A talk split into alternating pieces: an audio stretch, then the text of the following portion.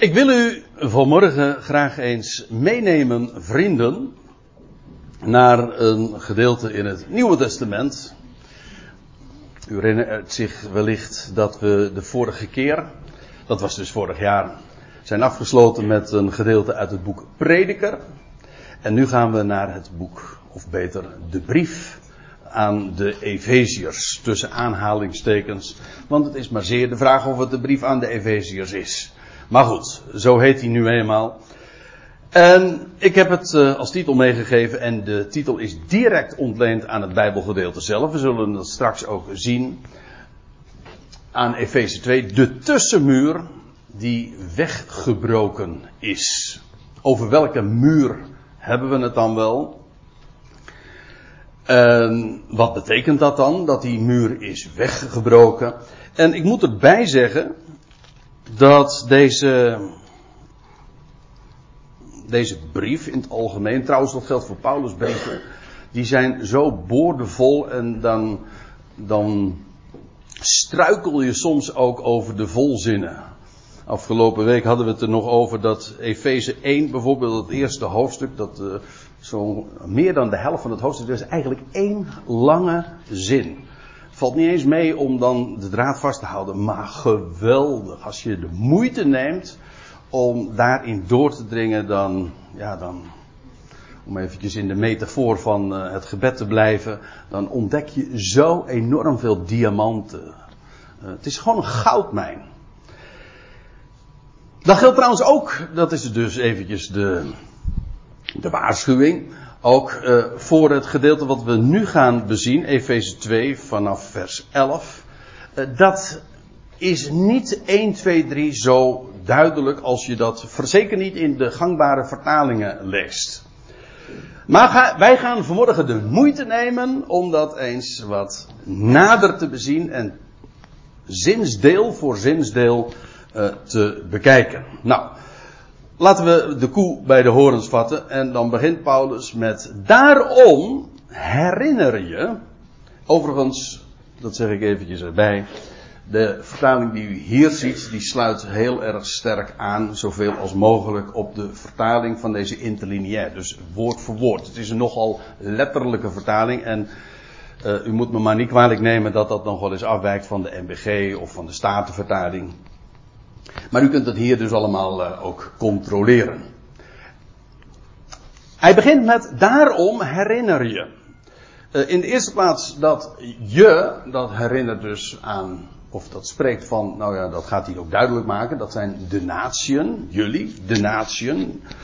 Maar eerst even dit, dat woordje daarom. Wel, dat woordje daarom, dat is, zoals dat in de grammatica heet. Hè? Is een redengevend voegwoord. Het, vertelt waarom uh, hij de dingen uh, nu gaat vertellen. Dat wat nu volgt, dat wordt gemotiveerd vanuit het voorgaande. En dat betekent dus dat je het terug moet lezen. Eigenlijk het hele voorgaande. En in het voorgaande had Paulus uh, geschreven, om niet te zeggen uitgestald, al die geweldige schatten, waar ik het zojuist ook al over had. Trouwens, in mijn Bijbel, staat er in Efeze 1, boven Efeze 1 vers 3. Ik zeg mijn Bijbel, maar hij is eigenlijk die van jou natuurlijk. Ja. Ik, had, ik was hem weer eens vergeten mee te nemen. En daar staat er boven rijkdom der uitverkorenen. Nou, dat klopt. Het is misschien wat oud-Nederlands geformuleerd. Maar het is inderdaad echt rijkdom. En dat had Paulus allemaal zo uitgestald. Wat ons in Christus Jezus in Christus, dat is de titel, ik kom daar straks nog even op terug, dat is de titel van hem die door God is opgewekt uit de doden. Want daarover heeft Paulus. Paulus kende hem eigenlijk ook alleen maar zo. Hij spreekt, wel over, hij spreekt ook wel over Jezus. Ook in dit gedeelte trouwens, wat we straks uh, nog zullen lezen. Maar het gaat, zoals Paulus hem kende, hij kende hem alleen maar als degene die hem ooit uh, tegenkwam, of of moet ik het omkeren? Die, hij tegenkwam op de weg naar Damascus. Dat wil zeggen, degene die inmiddels niet alleen opgewekt was uit de doden, maar ook verheerlijkt aan Gods rechterhand, ontrokken aan het oog en vanuit de hemel in stralend, oogverblindend licht aan hem verschenen was. Zo kende hij hem als de Christus. Dat is dus de titel van hem die opgestaan en verrezen en verheerlijkt is. Wel, in hem hebben wij al die schatten. Hij spreekt ook over degene die inmiddels die boodschap, het goede bericht, het evangelie hebben mogen geloven. Dat wil zeggen, ze zijn daardoor verlicht, dat is geen verdienste. Ja, dat is trouwens precies wat Paulus had gezegd. Hè? Want dit is vers 11, maar als u nou even terugleest, en ik lees gewoon dan even voor uit de NBG-vertaling, ik kan het niet nalaten. Daar staat er, want in geloof, vers 8, want in, pardon, want in genade bent u gered. In geloof, of door geloof. En dat niet uit uzelf, het is een gave van God. Dus het feit dat je de dingen mag zien van het Evangelie, dat is niet iets wat je bewerkt, het is een geschenk. Hij heeft jou overtuigd. Dat is geen verdienste, dat is een voorrecht wat je ten deel valt. En dan staat er nog bij, niet uitwerken, geen verdienste dus, opdat niemand roemen. Dat is uitgesloten. God neemt elke, elke gelegenheid, elk motief waarbij de mens eigen roem zou kunnen hebben, neemt hij volledig weg. Dus volstrekt uitgesloten. Alle eer is volledig aan Hem. Niet alleen de redding is aan Hem, maar ook het feit dat je het mag zien, dat is Zijn verdienste. En dus ook Zijn eer. Niet uitwerken opdat niemand roemen. Want Zijn maaksel zijn wij in Christus Jezus geschapen om goede werken te doen, die God tevoren bereid heeft, opdat we daarin zouden wandelen. Met andere woorden, ze liggen al gewoon klaar. God heeft ze bereid. En wij mogen daarin wandelen. Dat voorrecht hebben we. Alsjeblieft. Ook dat is dus een, een gave, een voorrecht om te genieten. Dus ah, eigenlijk, het komt erop neer. En ook dat staat uh, in, onze vertalingen keurig boven, boven Efeze 2, vers 1. Alles. Met een vette streep onder. Alles is genade. Goed. Nou, met dat alles in gedachten. En nog veel meer dan dat ik nu even kan zeggen natuurlijk. Daarom, om die reden, herinner je jullie eens. En nou gaat hij dus terugverwijzen naar het verleden. De nation in vlees die voorhuid genoemd wordt. Ja, uh, voorhuid, ja, dat is. Uh, het is een wat vreemde manier natuurlijk om het zo te zeggen. Het is nogal direct. Om het zo te formuleren. In, de gewone, in de gebruikelijke vertaling wordt dan gezegd. de onbesnedenen. Kijk, God had ooit zijn. Een, een volk apart gesteld. Het volk van Israël. Uh, eventjes voor het gemak. Uh, de Joden. Niet helemaal hetzelfde, maar goed. En waar bestond die apartstelling dan vooral uit? Uit het feit dat dat volk het teken kreeg van besnijdenis. En dat was voor hen ook een enorm voorrecht, want daar, ja, daar waren enorme zegeningen, exclusieve zegeningen ook aan verbonden. Maar dat betekent ook dat allegenen die niet besneden waren, dat, ja, die waren, dat waren uh, ik uh, moet me ineens denken aan een term die David bezigde toen die Goliath tegemoet kwam. Weet u nog hoe die hem toen noemde? Onbesneden Filistijn. Yes, dat is hem. Jij onbesneden Filistijn. Daar klinkt ook verachting in door. Overigens, wij zijn ook allemaal, nou geen Filistijnen. Daar gaan we wel eens naartoe misschien, maar. Hè, maar uh, onbesneden. Ik bedoel dat nu eventjes zeker in de religieuze zin en in het algemeen. En in het algemeen, hè, wij Nederlanders zijn onbesneden. Maar dat betekent, dat heet dus de voorhuid. Dat, dat wil zeggen dat stukje huid wat blijft hè, als je niet besneden bent. Nou, jullie, jullie waren eens de nation in vlees. Die voorhuid genoemd wordt. Is, dus als Israël het had over de niet-Joden, dan, had hij het over, dan hadden zij het over de voorhuid. Of onbesnedenen. Uh, en hoe, eh, zo werden ze genoemd, of door wie? Nou, door de zogenaamde besnijdenis. Dus hier wordt eh, vanuit het perspectief gesproken van het volk dat besneden was. De besnijdenis. En alle anderen die heten de voorhuid. Dat waren de natieën in het vlees. Gewoon vanuit puur fysieke standpunt bezien. In vlees. Dan zegt hij erbij, door de zogenaamde besnijdenis. Eh, in vlees met mensenhanden. Hé, hey, daar klinkt in door dat er ook dus een andere besnijdenis bestaat. En dat is ook zo, want feitelijk, uh, wat Paulus vertelt, dat zegt hij trouwens, hij, hij maakt dat hier niet zozeer uh, duidelijk, of althans, hij maakt hier niet zozeer zijn punt, dat doet hij wel elders.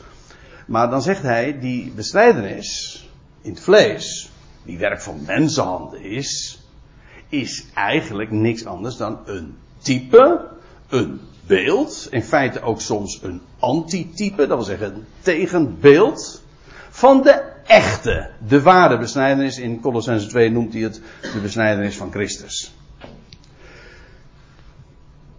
En hier is het trouwens ook de tegenstelling, dan moet je even, kijk het eens even na in vers 10. Ik heb het zojuist nog voorgelezen. Daar staat, want wij zijn, uh, wij zijn maaksel van Hem die geschapen worden in Christus Jezus. Dat wil zeggen, dat zijn wij. Hè? Wij zijn creaties van Hem.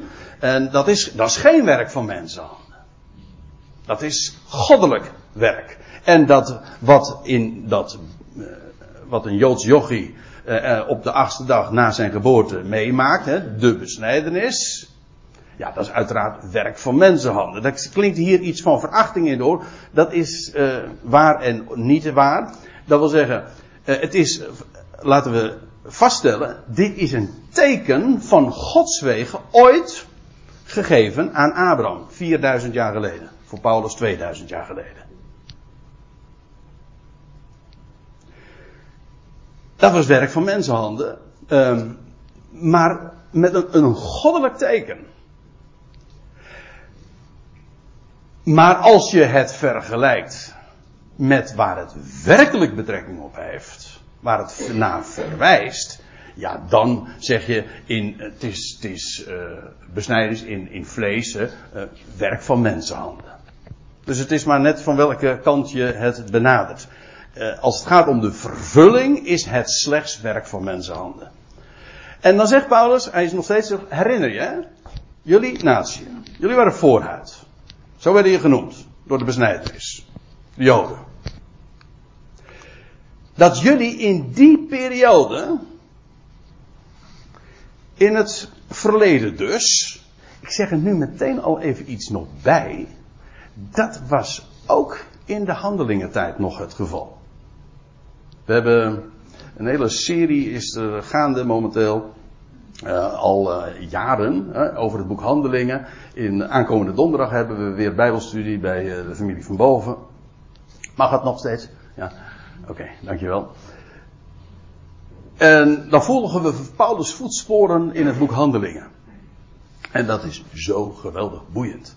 Maar wat dus daarbij zo opvalt, is dat in dat boek Handelingen, in dat historisch verslag, zoals dat in de eerste tientallen jaren gegaan is, na de dood en opstanding van de Heer Jezus, is het getuigenis doorgegaan. Maar toen bestond daar nog heel duidelijk dat verschil tussen de besnijdenis, het volk van Israël met zijn voorrechten, en aan de andere kant de vooruit, dat wil zeggen de natie. En daar was echt nog een muur tussen ook hoor. Een groot verschil. Weliswaar, de natieën waren er al bijgekomen, maar ze, uh, ze hadden de, de, de, plaats van een gast aan tafel, vreemdelingen. Ik kom er nog even op terug, want Paulus uh, verwijst daar ook naar. Maar hij, hij verwijst dus naar het verleden, naar de tijd dat daar dus dat grote onderscheid was tussen de besnijdenis en de vooruit. Tussen Israël en de natie dat jullie in die periode gewoon zonder Christus waren. Dat wil zeggen, in het vlees hadden jullie daar geen enkel recht op. Per slotverrekening, daar zijn wij misschien niet zo gewend aan om te denken. Maar ook in het Nieuwe Testament, als je dat in de Evangelie leest. En nu ga ik iets zeggen wat, wat sommigen misschien heel vreemd vinden. Maar weet je dat in de Evangelie de Heer Jezus zich niet richtte tot de natie? Absoluut niet. Sterker nog, er kwam een keertje een dame bij haar, bij, sorry, bij hem. En die maakte aanspraak op, uh, ja, op zijn diensten. En toen zei hij: Nee, nee, nee. Het is niet goed om het brood van de kinderen, Israëls, aan de natieën te geven. Hij is, uh, uh, nee, hoe is het? Het is niet goed om de. Aan de ja, zo, ja, zo was het, ja. Het is niet goed om het brood der kinderen aan de hondjes te geven. Dat zijn wij dus, hè? Hondjes. Dat wil zeggen honden. Ja, dat waren de aanduidingen. De besnijders noemden de uh, de voorhuid, onbesneden, maar ook gewoon honden. En dat was geen echte eretitel. Hij zegt, het is niet goed. En hij zegt, ik ben slechts. Dat, je leest het na, kijk het maar eens na in Matthäus 15. Dan zegt de Heer Jezus, ik ben slechts, dat wil zeggen uitsluitend, gezonden tot de verloren schapen van het huis Israëls. Dat, is, dat was zijn bediening. Dus al die woorden die we vinden in de Evangelie, die kunnen we tot ons nemen. Heel de schrift is voor ons. Maar vergis je niet, dat is brood voor de kinderen Israëls. En als wij daarvan mee eten, dan eten wij van de kruimeltjes. Maar het is niet direct voor ons bestemd. De Christus was bestemd voor Israël. En oké, als Israël eenmaal uh, ook deel zou hebben aan die zegeningen, dan zou, de, dan zou het heil ook doorgaan naar de natie en Israël. En Israël, dat zal straks trouwens ook het geval zijn in het komende vrederijk, dan zal Israël een, een plaats hebben van voorrang boven alle naties. Ze zullen aan het hoofd van de naties staan. En hele, eigenlijk alle volkeren zijn onderworpen aan Israël. Het is in feite wat we straks gaan krijgen is een Israëlitisch wereldrijk. Je hebt een Babylonisch wereldrijk gehad, je hebt een Grieks wereldrijk gehad, een Medo-Persisch wereldrijk gehad. En straks, uiteindelijk, eindigt het in een Israëlitisch wereldrijk. Met Jeruzalem als hoofdstad. Maar Israël daarbij weer als hoofd. Een hele onbescheiden plaats. Wat Paulus uh, hier zegt is van, ja, de Christus die is bestemd voor Israël. En naar het vlees waren jullie gewoon zonder Christus. Zonder de Messias. Die was helemaal niet voor jullie. Hij zegt jullie waren vervreemd of uitgesloten van het burgerrecht van Israël. Aan, aan, die, aan dat burgerschap en al die voorrechten die aan dat, aan best van Israël, om het zo even zo te zeggen, uh, verbonden waren, hadden jullie helemaal geen deel. Daar waren jullie van uitgesloten. Vervreemd. Je zou het zelfs kunnen opvatten als, uh, maar dan is het vooral op, van toepassing op degenen die ooit Israëliet waren, maar die onder de natieën uh, ja, geassimileerd waren, eigenlijk hun hele identiteit kwijt waren geraakt. Jullie zijn ervan vervreemd. Uitgesloten, verwijderd van het burgerschap van Israël en gasten van de verbonden van de belofte. Hé, hey, gasten. Niet vreemd aan de verbonden, zoals de MBG-vertaling heeft. Nee, gasten van de verbonden. Het gaat hier over over degene die van de natieën, die als ze zich bij Israël voegden, je leest in het boek Handelingen daar ook over, over mensen die sympathiseerden ook met de God van Israël. Let op, de God van Israël.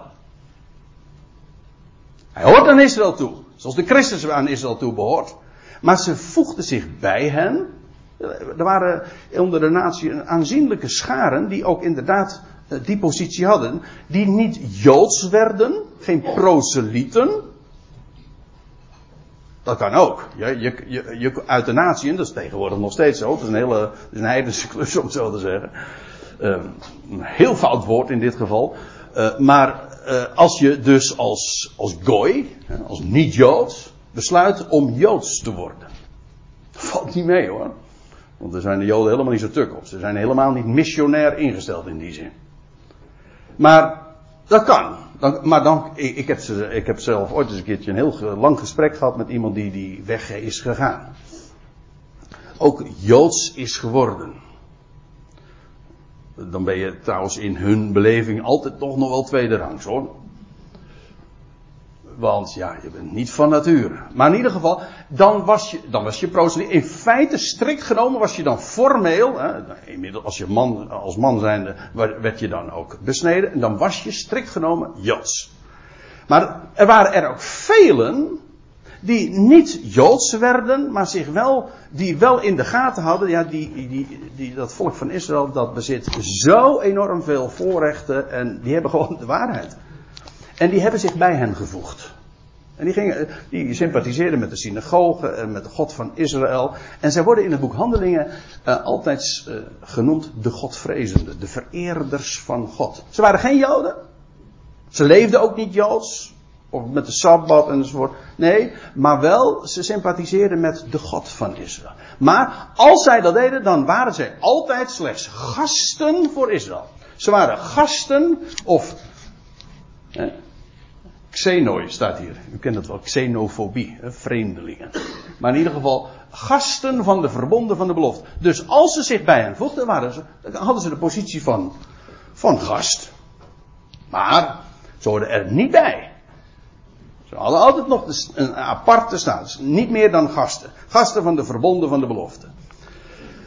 Zonder hoop, geen hoop hebbende en zonder God in de wereld. Dat wil zeggen, naar het vlees hadden ze geen deel aan die zegeningen die speciaal verbonden waren aan Israël. Dus zonder die hoop en zonder de God ook. Staat hier trouwens in het Grieks het woordje, waar ons woordje atheïsme van afgeleid is. Atheïsme betekent eigenlijk gewoon zonder God. Nou, dat is de wereld. Zonder God. Naar het vlees stonden ze daar volledig buiten. Fysiek, qua afstamming. Hadden ze daar helemaal geen enkel deel aan. Paulus zegt, realiseer dat. U moet zich goed realiseren, eh, dit ook realiseren, dat als Paulus daar, ja, die, eh, die, krijgt een geweldige missie, die, is, heeft een enorme uh, gebied bereikt en overal waar hij kwam heeft hij gesproken over, over die ene God, de schepper, maar ook de redder is van alle mensen en over, het, over de boodschap van Christus, die opgestaan uit de doden. En nu waren al die mensen, die, die mensen uit de natieën die daar oor voor hadden en die, ja, van wie het hart geopend werd, die hadden nu allemaal deel aan die geweldige zegeningen waarover Paulus had gesproken. Hij zegt maar realiseer je dat je ooit gewoon helemaal daarbuiten stond. Dat je daar helemaal volstrekt uh, zonder al die zegeningen was. Eh, het gaat om het, om contrast. Er was ooit die enorme barrière. Israël, de natie. En dan zegt hij. En dan nou komt het, het contrast. Maar nu. In Christus Jezus. En ik heb u al zojuist gezegd. Die titel. Ja, dat is de wijze. Heel opvallend, hè? De term Christus Jezus vind je zo ongeveer honderd keer in het Nieuwe Testament. Het is meestal Jezus Christus. Maar Christus Jezus vind je zo'n honderd keer. Weet u waar? Typisch Paulus. Altijd bij Paulus. Zonder uitzondering. Paulus spreekt over Christus Jezus. In de eerste plaats de Christus. Zo kende hij hem. Inderdaad, dat is hij die hier op aarde de naam van Jezus droeg. Maar wat voorop staat is, ja, zoals hij hem kende, in dat oogverblindende licht. Zo predikte Paulus hem. En weet u ook dat Paulus die boodschap bracht. Maar Paulus is eigenlijk, ja, hoe was het? Weer, ik neem u weer eventjes mee terug naar de boekhandeling. Hoe was het? De Jezus was Opgewekt uit de doden, vervolgens uh, Pinksteren.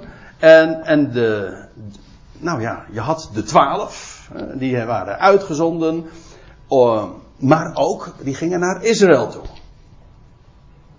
En op een gegeven ogenblik wordt heel duidelijk dat ook het, de boodschap van de apostelen wordt afgewezen door, door Israël.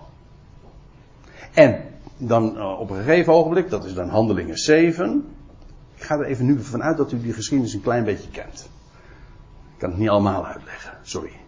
Maar dan lees je in handelingen 7 uh, dat Stefanus door het Sanhedrin, officieel de Joodse raad dus, wordt gestenigd. En dan komt de figuur van Saulus uh, zo achter, achter de coulissen, want die was al de jas aan het uh, beschermen enzovoort. De jas, de jasbeschermer, ja. Uh, en hij, en dan in een hoofdstuk later lees je dat Paulus, dat die Saulus van Tarsus op weg naar uh, Damascus, een, de meest fanatieke en ook de tegenstander en ook de leider eigenlijk van de, van de oppositiebeweging tegen die Messiaanse beweging, hij wordt geroepen. Dus nadat uh, zich aftekende dat Israël de boodschap afwees, dan ineens komt een dertiende apostel, zeg maar, op het toneel. En die wordt geroepen en die gaat naar de natie toe. En dat geeft nogal wat voeten in de aarde en feitelijk het hele boek Handelingen gaat daar ook over. Over, over die hele gang, over hoe, hoe de, uh, het getuigenis van de twaalf overgaat naar, naar Paulus en Israël naar de natie. Nou, zegt Paulus. Nu, in Christus Jezus. Jullie hebben de, die boodschap, uh, want Paulus is, heeft gehoor gegeven aan die roep en hij heeft dat verteld. Dat geweldige evangelie. En nu zegt hij, in Christus Jezus zijn jullie die eens ver weg waren, dichtbij gekomen in het bloed van de Christus. Aha. Dus die hele positie van ver weg en verwijderd en een barrière, dat is volledig weg. Jullie zijn nabijgekomen in het bloed van de Christus. Dat bloed van de Christus, dat verwijst hier ook heel sterk naar, uh, en ja, dat is de vergelijking met het bloed dat vrijkomt uh, bij de besnijdenis. Waar die het zojuist over had. Niet door middel van het bloed van de besnijdenis, Jullie zijn niet nabijgekomen doordat jullie je hebben laten besnijden. Dat was eigenlijk zeg maar de orthodox-Joodse en van ouds de gangbare weg. Dat als jullie als heidenen deel wilden hebben aan de zegeningen van Israël, nou dan moesten ze via de weg van besnijdenis daartoe komen. Nee, zegt hij, niet door middel van het bloed van de besnijdenis. Dat is werk van mensen. Maar de ware besnijdenis. En ik zal u dit vertellen, die ware besnijdenis, ja, wat is dat? Ja, dat, toen kwam er ook bloed vrij. Dat was, dan gaat het over het sterven van Christus. Maar dat niet alleen. Het gaat ook over zijn opstanding. Dat is de besnijdenis. Dat is niet alleen maar het wegnemen van de voorhuid. Uh, maar het is ook het onthullen van de vrucht. Van de eik zeg het, ik, vind, ik heb expres zo dat die emblemen maar gedaan, heel discreet. Ik hoop dat u begrijpt wat ik bedoel. Lieve mensen, ik ga het nu niet eh, over die geweldige typologie hebben, want nou, dan hebben we nog wel een paar zondagen nodig. Schitterend. Maar één ding moet u niet vergeten. Dat die besnijdenis een type is, niet alleen maar van, van bloedstorting, dood. Nee, het is het vrijkomen, het is het onthullen, het openbaren van de vrucht. Het is in feite een embleem van vruchtbaarheid. En, dus van nieuw leven. Hoe was het ook alweer? Ga even terug naar de geschiedenis. Toen God het teken van de besnijdenis aan Abraham gaf. Abraham.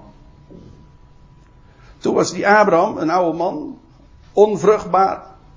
Zijn vrouw was bovendien uh, oud, ook altijd al onvruchtbaar. En God had gezegd: Ik ga uit jullie verstorven lichaam nieuw leven uh, formeren, uh, voortbrengen.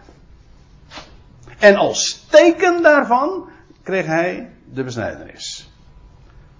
Dus, ja, die, die besnijdenis, dat was een, een teken van God zegt, zet als het ware een mes ik bedoel dat letterlijk en figuurlijk. Zet een mes in het vlees van de mens. Maar daardoor onthult hij de vrucht. Dat wat hij doet. Hij verwekt leven uit de dood. En dan mag Abraham verstorven en impotent zijn, maar God zegt, ik verwek nieuw leven uit een verstorven lichaam. Dat is de besnijdenis. Dus die dat, dat bloed van de Christus, dat verwijst naar de ware besnijdenis, maar dat is dus niet alleen maar de dood, maar vooral ook de opstanding van Christus. Nieuw leven. Werkelijk vrucht. En uh, leven in overvloed. En, jullie, en Paulus zegt, ik heb jullie die boodschap gebracht. Van de opgewekte Christus, van de levende God. En nu zijn jullie in hem, ja, nabijgekomen. Niet meer ver weg. En jullie hebben deel gekregen aan al die zegeningen, zonder enige barrière. Want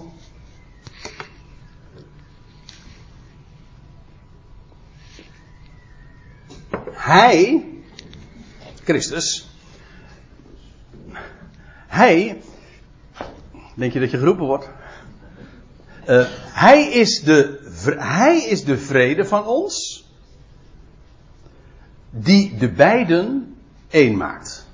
Hij is de vrede, dat wil zeggen, hij, hij is degene, Christus Jezus, die harmonie, vrede, vrede tot stand brengt die de beiden, en de beiden, u weet het hè, de beiden, dat is besnijdenis, vooruit, Jood en Heiden. Van die twee. Die twee, waar ooit een barrière tussen stond, waar ooit uh, zo'n enorme muur tussen stond, maar daarover straks meer, die zijn één gemaakt en die uh, dat conflict tussen beiden is volstrekt weg. De beiden zijn één gemaakt.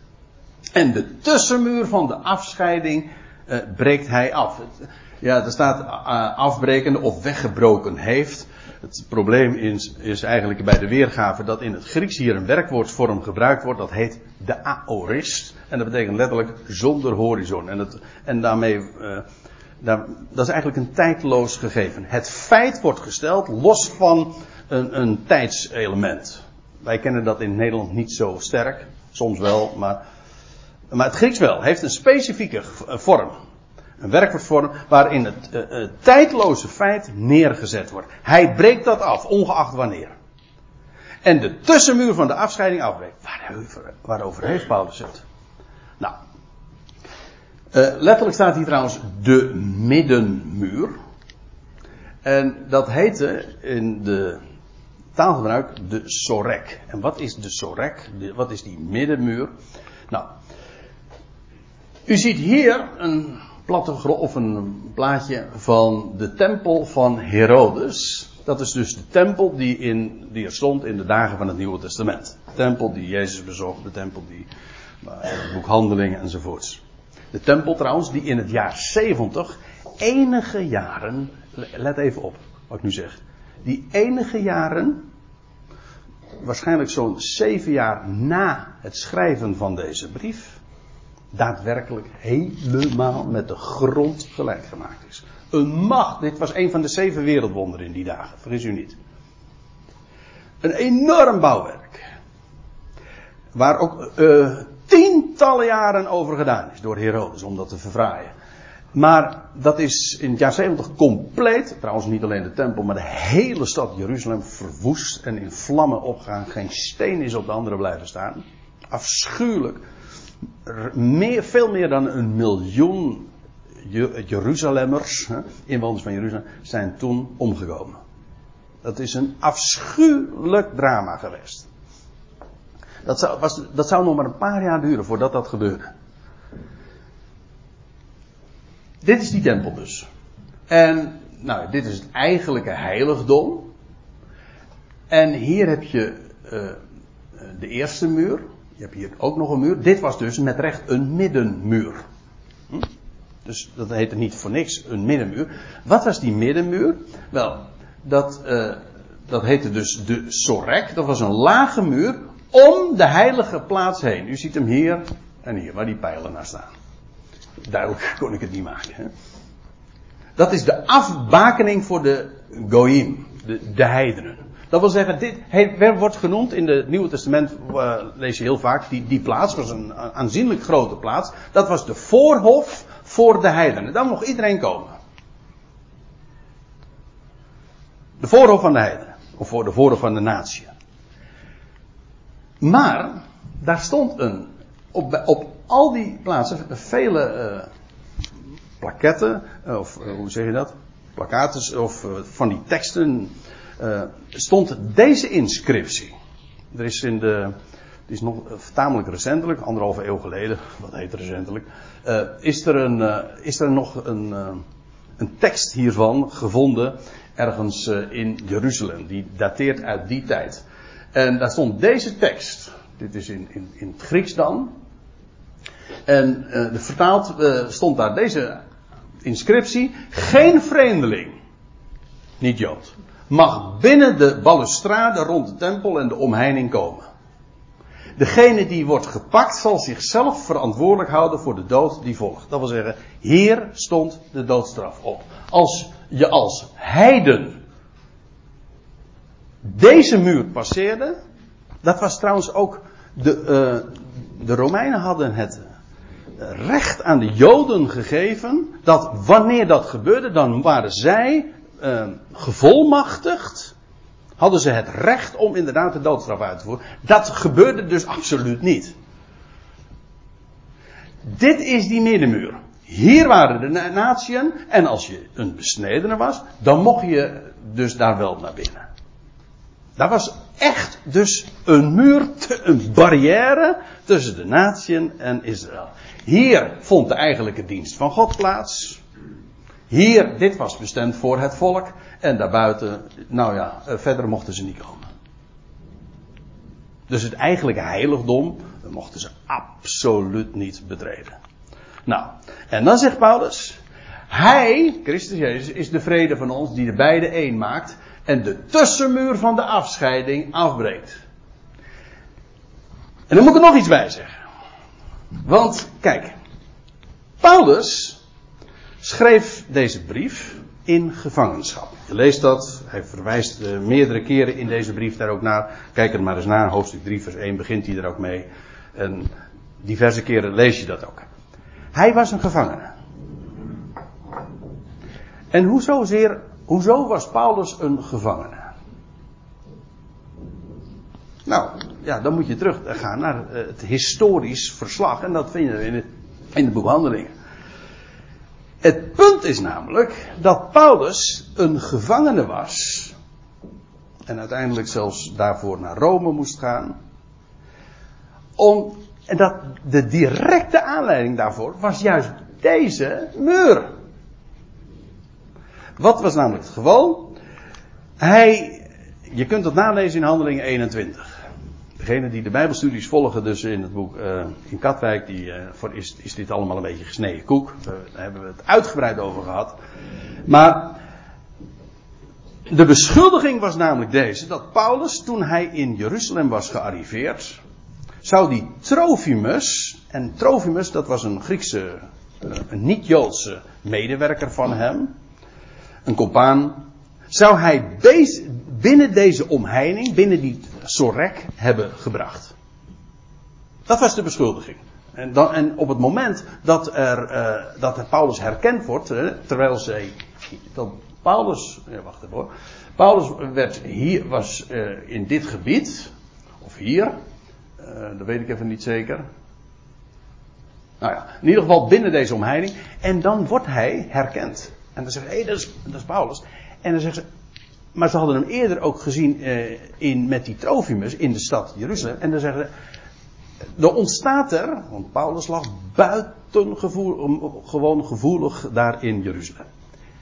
En dan zeggen ze, hij heeft Trofimus binnen deze omheining gebracht. In het heiligdom. En in no time is er een, een, een gigantische, ja, uh, ontstaat er een enorme, uh, hoe zeggen ze dat? Een volksoploop. En uh, enorm tumult. En Paulus dreigt ook zelfs uiteengereden te worden. Hij moest, de, het zijn de Romeinen die moesten ingrijpen. De Romeinse de politiewacht van de burcht van Antonia. Die moesten ingrijpen. Die waren er ook trouwens meteen bij. En Paulus wordt in veiligheid gesteld zo, voor zijn Joodse volksgenoten. Want hij, hij zou Trofimus, een niet-Jood, in dit, binnen dit gebied gebracht hebben. Dat was niet waar, was absoluut niet waar. Maar goed, omdat het was een aanleiding. En het hele boek Handelingen gaat er eigenlijk ook over dat, dat Paulus zich daarin ook verdedigde. Maar, dit mocht dan niet waar zijn. Fysiek in het vlees was dit onwaar. Maar, in geest, spiritueel, als u wilt, geestelijk gezien, was dit nu precies Paulus' boodschap. Hij had die Trofimus inderdaad niet in de fysieke tempel gebracht. Dat is waar, dat was absoluut verboden. Maar wat hij wel deed in zijn boodschap onder de natieën, dat is dat de natieën, de niet-Joden, voluit en zonder enig onderscheid deel hebben aan de zegeningen in Christus Jezus. Allemaal. En sterker nog, op een wijze zoals, een Jood niet kon, uh, maar uh, kon vermoeden. Veel groter en nog veel heerlijker. Die boodschap van Paulus is zo overtreffend groots en heerlijk. Eigenlijk, uh, als u nou alles van vanmorgen zou vergeten en u zou dit in ieder geval op, op hebben gevangen en onthouden, dan zeg ik, dan hebt u een heel belangrijk deel in ieder geval in uw hart bewaard. Namelijk de, wat Paulus aan geheimenissen en verborgenheden van Gods wegen heeft ontvangen, is zo overtreffend groots. Daar heb je geen idee van.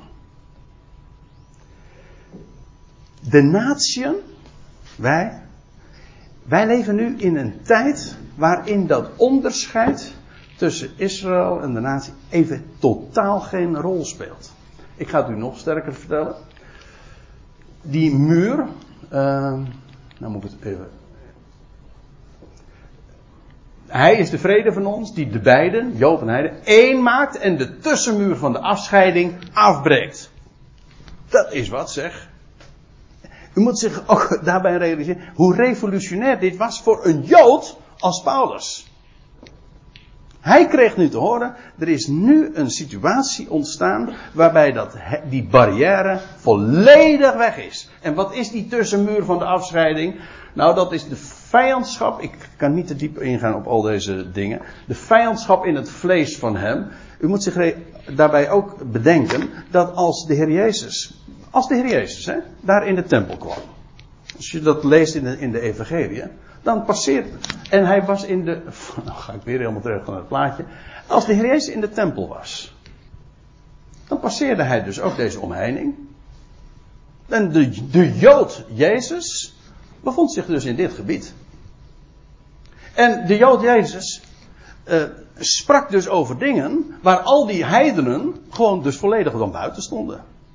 Daar was dus dat vlees van Jezus, het feit dat zijn fysieke Joods zijn, was een barrière voor de natie. Zij, daar was, uh, daar waar hij deel aan had als Jood, ja, daar hadden de niet-Joden geen deel aan. Nou, dat wil zeggen, zijn vlees representeert eigenlijk ook die vervreemding, die barrière, die vijandschap. En wat was dat eigenlijk? Wat is die tussenmuur? Nou, dat, dat is, Paulus legt het uit. Wat bedoelt hij met die wet? Eh, of met die muur die scheiding maakte? Wat maakte nou eigenlijk scheiding? Nou, dat is gewoon de wet. De wet van de voorschrift met al die instructies en die, al die bepalingen. De wet van Mozes. Dat zeggen de Joden trouwens zelf ook. Die zeggen van ja, wij zijn een apart gesteld volk. En wij worden apart gesteld door de wet. Doordat wij, die is aan ons gegeven, met onze meest fysieke eigenschappen, de besnijdenis en al de sabbat en de spijswetten, et cetera, et cetera, et cetera. Het is die wet die eigenlijk een omheining vormt en ons apart stelt, onderscheidt van de natie. Dat is de wet van de voorschriften. En nou zegt Paulus, in dat lichaam van Christus nu, in de gemeente, dat uitroepsel wat God zich vandaag verzamelt, bestaat die muur totaal niet. Die is afgebroken. Dat verschil tussen Jood en Heiden is volstrekt buiten de orde in deze nieuwe formatie. De wet van de voorschriften, dat is de wet van Mozes dus, die als een muur uh, Israël afscheiden van de natie. In officiële besluiten bestaande, die uh, stelt hij buiten werking. Nou ga ik u nog eens wat vertellen. Ja, ik zei al, ik had u gewaarschuwd, maar u bent toch gekomen. uh, het, soms is het wat moeilijk. Want nou, dan moet ik er nog iets bij vertellen. Wat je zo op het eerste gezicht niet zult weten. Daarom vertel ik het gewoon. Dit is, we zijn, ik, ik zeg wel eens een keertje, dit is geen preken. Want daarvoor vertel ik veel te veel informatie. Maar ik wil u gewoon ook graag vertellen dat wat Paulus hier optekent. Wat, wat zegt hij nou eigenlijk hier? Nou, hij heeft het over officiële besluiten. Weet u wat het woord wat hij, uh, is wat hij hier gebruikt in het Grieks? Dat is dogma. Nee, niet dogma. Dogma. En uh, dat kennen wij, dogmata. Dat wil zeggen, dat is het meervoud van, van dogma's. Ons woord dogmatiek is eigenlijk van dit woord afgeleid. Maar eigenlijk een dogma is is niet een leerstuk, maar het is een besluit. Uh, je, leest, je leest bijvoorbeeld dat uh, de keizer Augustus, die had een besloten. Dat het hele volk, uh, dat het zijn hele rijk zou worden ingeschreven. Dan wordt ook dat woordje dog, dogma gebruikt. Dat wil zeggen, hij had besluit genomen. Het wordt, wordt nog wel eens een keer in het Nieuwe Testament gebezigd. En een van de bekendste besluiten die we in het Nieuwe Testament kennen, dat zijn de besluiten die ooit in Jeruzalem genomen waren door de apostelen. En dan neem u opnieuw weer mee naar het boek Handelingen. Want weet u nog dat Paulus uh, naar de natieën was gegaan. En ja, die natieën, daar, uh, aan, aan hen had hij nooit gepredikt dat ze de wet moesten houden, dat ze besneden moesten worden of de Sabbat moesten houden. En toen waren er Joden die daar totaal niet in mee konden gaan. Sterker nog, het meerderheid. Die had, daarom lag Paulus zo gevoelig. Voor Paulus speelde die wet helemaal geen enkele rol. Ondanks het feit dat hij zelf Joods leefde, maar dat in zijn prediking speelde dat geen enkele rol. En toen is er in Jeruzalem over vergaderd. Paulus was daar zelf ook bij. En wat was de kwestie? Moeten gelovigen uit de natieën. Nou, willen ze er werkelijk bij horen. Nu ook besneden worden en moeten ze zich ook voegen naar de Joodse gebruiken. Dat, dat, dat was de uh, vergadering in Jeruzalem, Handelingen 15. Een heel belangrijk hoofdstuk in dat boek Handelingen. En wat is dan de uitkomst? Unaniem wordt dan besloten, de natieën zijn vrij. De natieën zijn vrij en uh, mogen, mag aan hen niets worden opgelegd. Dat was geweldig. En daarmee had feitelijk was Paulus punt gemaakt. Maar als Paulus later dan weer in Jeruzalem komt, in handelingen 21, als die dan uiteindelijk ook gevangen genomen wordt bij die geschiedenis van die Trofimus waar ik het net over had, dan uh, komt uh, die kwestie opnieuw weer aan de orde. En dan zegt Jacobus, dat was, een beetje, dat was de woordvoerder daar in Jeruzalem voor de Joden. Die zegt ja, de natieën die zijn vrij van al die bepalingen. Dat is toen besloten. Maar wij, Joden, niet. Wij, houden, wij zijn ijveraars van de wet. Dus zelfs in die besluiten bleef dat onderscheid tussen besnijdenis en voorraad tussen Israël en de natieën gewoon gehandhaafd. Je had Israël, je had de gelovige Israëlieten, zij waren ijveraars voor de wet. Weet u dat? In het hele boek Handeling is dat zo duidelijk.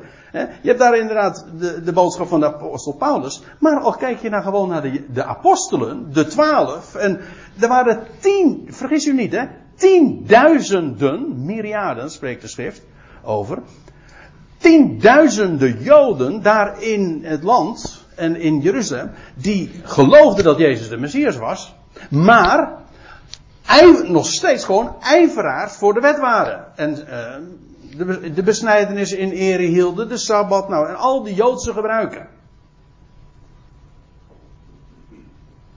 En Petrus was daar ook van, en Jacobus en Johannes. Dat, waren allemaal, dat was die boodschap van de besnijdenis. Dat speelde in het boek Handelingen nog zo'n grote rol. Dat verschil. In die besluiten, zelfs in die officiële besluiten, bleef het onderscheid tussen voorhuid en besnijdenis gehandhaafd. Nou zegt Paulus nu, inmiddels, na de hele handelingentijd, hij is nu de gevangene, hij is nu de gevangene en hij schrijft vanuit Rome en hij zegt, die muur in de in geest is nu volledig weggebroken. Buiten werking gesteld. Geannihileerd. Dat wil zeggen, speelt geen enkele rol. Dus, wat ik nu wil zeggen is dit. Of nou, wat ik nu wil zeggen, wat ik nu probeer duidelijk te maken aan de hand van deze versen. Wat Paulus nu als gevangene in Rome zegt, na die hele handelingentijd die inmiddels achter, achter hem ligt, zegt hij, dat verschil, die muur die er altijd stond tussen Israël en de natieën, die is weggebroken. Die is, dat is voorbij. En dat verschil tussen Jood en Heiden, die is, dat is opgeheven. Er dat wil zeggen, in dat lichaam van Christus, hè, die Ecclesia, is de tussenmuur, de wet van de voorschriften, buiten werking gesteld. Dat is wat hij zegt. Dat was de boodschap van Paulus. Eigenlijk altijd al. Maar nu verklaart hij dat die muur die er altijd was. eh, en die altijd nog functioneerde. volledig buiten werking is gesteld. En staat erbij om de twee. Jood en Heiden. in zichzelf, in Christus.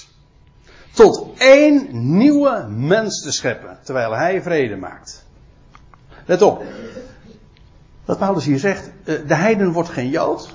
De jood wordt ook geen heiden. Nee, beiden vormen nu een nieuwe formatie.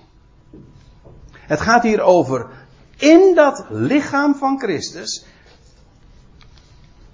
In één lichaam, vers 16. Is, dat is een nieuwe formatie. Paulus, aan Paulus is iets bekend gemaakt. Wat de twaalf en Jacobus en Petrus en Johannes allemaal niet wisten. En lieve mensen, ik vind het, ik vind, eh, soms, eh, om deze dingen nu duidelijk te maken, vind ik soms moeilijk, omdat ik dan me afvraag van ja, wat moet ik allemaal als bekend veronderstellen. Maar u zou eh, even moeten meelezen of doorlezen in Efeze 3. Dan zegt Paulus, ja, aan mij, dan zegt hij, dat vertelt hij dan ook, aan mij is dit geheimenis eh, bekendgemaakt. Altijd was dit verborgen in God. En er is nu een nieuwe formatie. En Jacobus en Petrus en Johannes wisten er niet van. Hij zegt, en dit geheimenis, dit is nu bekendgemaakt ook aan de apostelen. Ook Jacobus en Petrus en al die twaalf kregen dit nu te horen. Die gemeente die was er al, die formatie was er al, maar het was nog steeds geheim. En nu vanuit de gevangenis maakt Paulus dit geheimenis bekend. Van een nieuwe formatie. Een nieuwe mens. Het lichaam van Christus. Kijk maar eens een keertje in de brieven van Petrus of van Jacobus. Nou ja, of van de andere schrijvers van het Nieuwe Testament.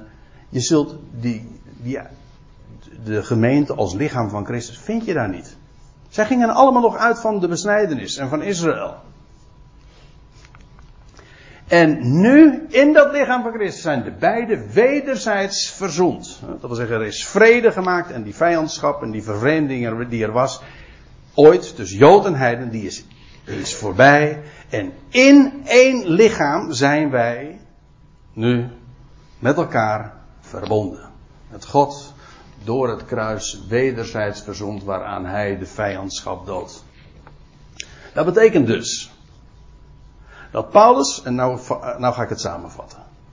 Dat Paulus nu vanuit de gevangenis, aan het einde van de hele handelingenperiode, toen nog steeds Jood en Heiden zo van elkaar gescheiden waren. nu verklaart, die wet van geboden, die, die wet van geboden en van voorschriften, die is buiten werking gesteld en het verschil tussen Jood en Heiden in de gemeente speelt geen enkele rol. Ik heb het dus niet over wat er straks weer gaat gebeuren als, als God uh, de draad met het volk Israël weer gaat opnemen. Dan wordt de situatie weer een andere. Ik zal u nog sterker vertellen, er komt straks weer een tempel in Jeruzalem. Maar het gaat nu over, dat, over de situatie in dat ene lichaam. Nu. In deze tussentijd. Waarin Israël buitenspel staat. En waarin de bijzondere voorrechten van Israël eigenlijk totaal geen rol spelen. En nu gaat het heil naar de natie. Ongekend. En ook zonder enig onderscheid. En weet u wat het geweldige is? Want daar komt het op neer. Dit, is, dit was zo revolutionair. Het getuigschrift wat Paulus hier neerlegt. Hè, wat aan hem was bekendgemaakt. En hij zegt, ja ik maak het bij deze ook bekend aan, aan de apostelen, aan, aan, iedereen. Want dit was een totaal nieuw uh, waarheid. En wat het betekent, is dat vandaag, in deze tijd, er één boodschap is. Waarin het verschil tussen Jood en Heiden geen rol speelt. Ook de wet der geboden en besnijdenis en rituelen totaal niet aan de orde zijn. Of zouden verdelen, of de Sabbat. In feite gaat godsdienst daar toch altijd over, ook als het christelijk heet. Het gaat toch altijd over rituelen. Over uh, een stukje brood, hè? of over ondergedompeld worden in water. Het zijn rituelen. In feite, al die rituelen waren van Israël. Dat speelt geen rol. Dat is vrijheid. Ja, vrijheid, blijheid, inderdaad. En die onderscheiden positie van Israël speelt geen rol. En het is ook niet zo dat een deel van die bepalingen die ooit aan Israël gegeven waren, nu voor ons zijn. En dat de Sabbat bijvoorbeeld nu de zondag is geworden. Of dat de besnijdenis in eh, de doop is geworden, zoals geleerd wordt. In feite wat je dan doet, is weer opnieuw die muur opbouwen. Die muur is weggebroken. Geen enkel ritueel staat nu tussen u en mij, tussen welke gelovigen ook. En de boodschap van het evangelie is, er is één God. En die God, die heeft een geweldig plan, dat is Efeze 1 trouwens. En hij gaat heel de schepping onder één naam samenbrengen. En die ene naam, die gaat hemel en aarde verbinden. En elk mens zal daar deel van uitmaken. En hij is de redder van deze hele wereld. Dat is evangelie. Dat is puur om niet, dat is pure genade. En dat is de boodschap. En dat is ook karakteristiek voor die formatie die God vandaag bezig is te maken. Die ene, dat ene lichaam. En we hebben zo'n enorm. Uh, we hebben daarin ook deel aan, aan zo'n enorme toekomst. Want voor dat lichaam is een speciale toekomst ook weggelegd. Ook daarover spreekt Paulus in deze brief. Maar daar hebben we het nu nog niet eens over. Ik moet u zeggen, ik ben daar zo enorm blij mee. Met zulke geheimenissen en dat wat Paulus daarin heeft opgetekend. Juist ook omdat dat voor ons vandaag is.